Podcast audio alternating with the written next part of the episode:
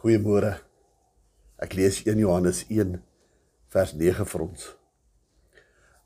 As ons ons sonde bely, hy is getrou en regverdig om ons die sondes te vergewe en van alle ongeregtigheid te reinig.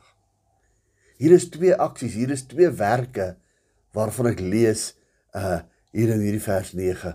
Die eerste ene is die gedeelte waar waar waar die mens ek en u kom en ons sondes by die Here bely.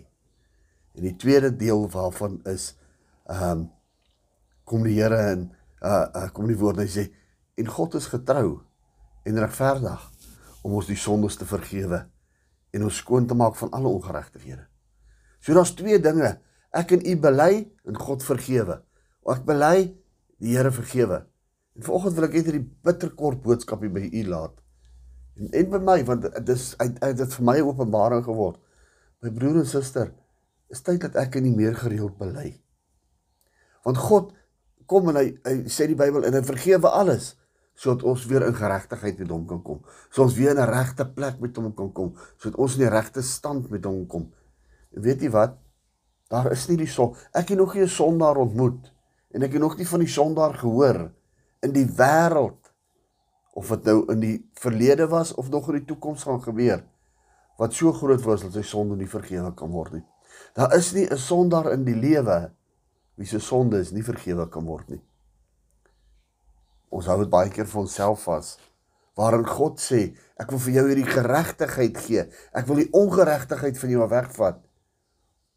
Maar dan 'n aksie wat ek en u moet doen. Ons moet met daai sonde wat ons het, wat dit ook al is, by die Here kom en sê Here, ek bely ek het hierdie sonde gedoen. En kyk wat doen die Here dan. In Romeine 5 kom die skrifgedeelte en hy praat ag uh in Romeine 7 kom die skrifgedeelte en hy praat bietjie oor die sondes en dan daarna in in in Romeine 8 sê hy en daarom is daar dan geen veroordeling.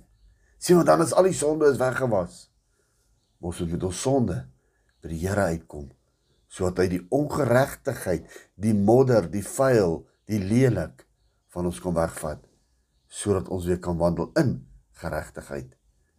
Die Bybel sê hy is getrou en regverdig. Jesus het klaar gesterf.